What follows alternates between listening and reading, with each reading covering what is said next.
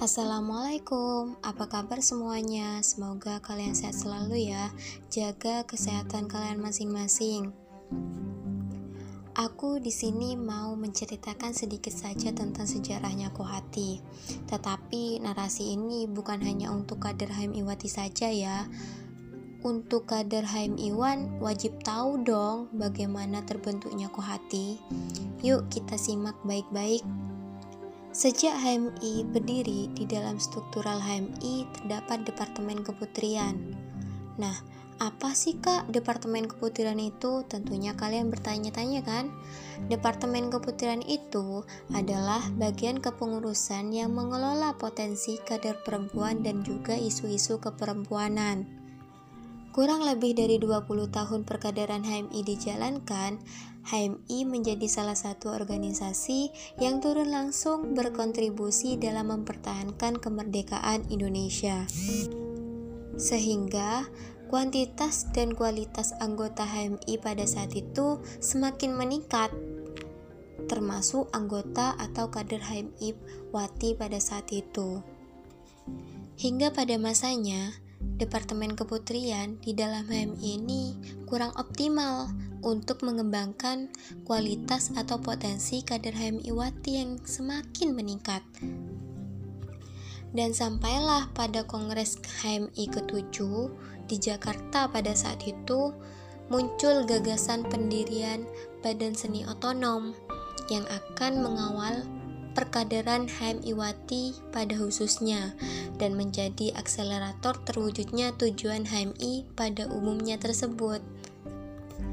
Nah, gagasan pertama itu dilihat dari pandangan internal HMI saja. Gagasan kedua dapat dilihat secara eksternal, di mana pada masa itu terdapat berbagai organisasi perempuan, di di mana hanya di mana dibuat sebagai mata-mata di mana dibuat semata-mata hanya sebagai alat revolusi. Namun yang sangat penting diingat adalah badan semi otonom bidang keperempuanan di HMI, bukan untuk menandingi atau menyaingi keberadaan organisasi perempuan yang telah ada ya. Badan ini dibentuk atas misi perkaderan dan humanisme atau misi-misi kemanusiaan, kebangsaan, serta keumatan yang menjadi tujuan dari organisasi induknya yakni HMI. Terlebih juga kontribusi kader HMI Wati secara eksternal telah dibuktikan oleh Aisyah Amini yang itu salah satu kader HMI Wati yang menjadi pelopor sekaligus ketua umum pertama pada organisasi KAWI yaitu Kesatuan Aksi Wanita Indonesia. Potensi ini potensi ini ditangkap oleh pihak-pihak terkait. Kemudian Dr. Sulastomo sebagai Ketua Umum PBHMI pada masa itu ya, bekerja sama dengan berbagai kalangan internal maupun eksternal organisasi, mulai menindaklanjuti wacana pembentuk Badan Seni Otonom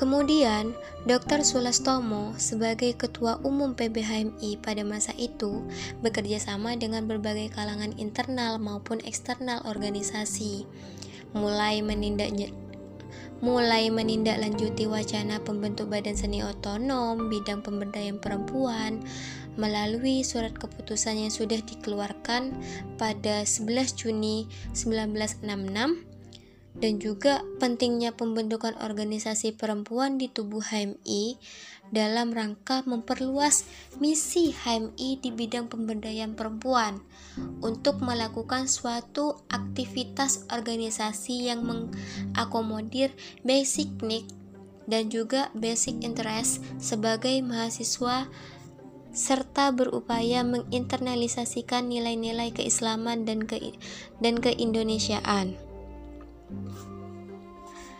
Nah, dari situlah terbentuknya Kohati. Mengapa adanya Kohati?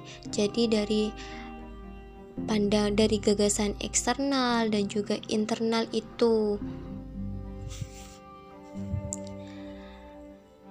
Wacana pembentukan badan seni otonom di bidang keperempuanan terus diupayakan hingga pada Kongres HMI ke-8 di Solo pada saat itu tepat pada tanggal 2 Jumadil akhir 1386 Hijriah yang bertepatan dengan tanggal 17 September 1966 Masehi Korps HMI Wati yang disebut Kohati resmi didirikan dalam Musyawarah Nasional Kohati atau yang sering disebut Munas Kohati. Nah, itulah pada saat itu sudah diresmikan pada tanggal 2 Jumadil akhir atau 17 September 1966. Siapa saja yang menjadi pelopor dalam Hamiwati yaitu ada Maisaro Hilal, Siti Zainah, Siti Baroro, Tujima, Tejaningsih, Ida Ismail Nasution, dan juga Aniswati Rohlan, di mana pada saat itu dipilih sebagai Ketua Umum Kohati pertama. Perlu kalian ingat ya, Kohati hadir itu bukan menjadi saingan di dalam HMI, tetapi untuk mempermudah ruang gerak HM Iwati di bidang internal maupun eksternal sehingga sampailah terwujudnya tujuan HMI tersebut. Nah, itu sedikit cerita sejarahnya Kohati. Mungkin sampai sini dulu ya. Kita lanjut episode selanjutnya.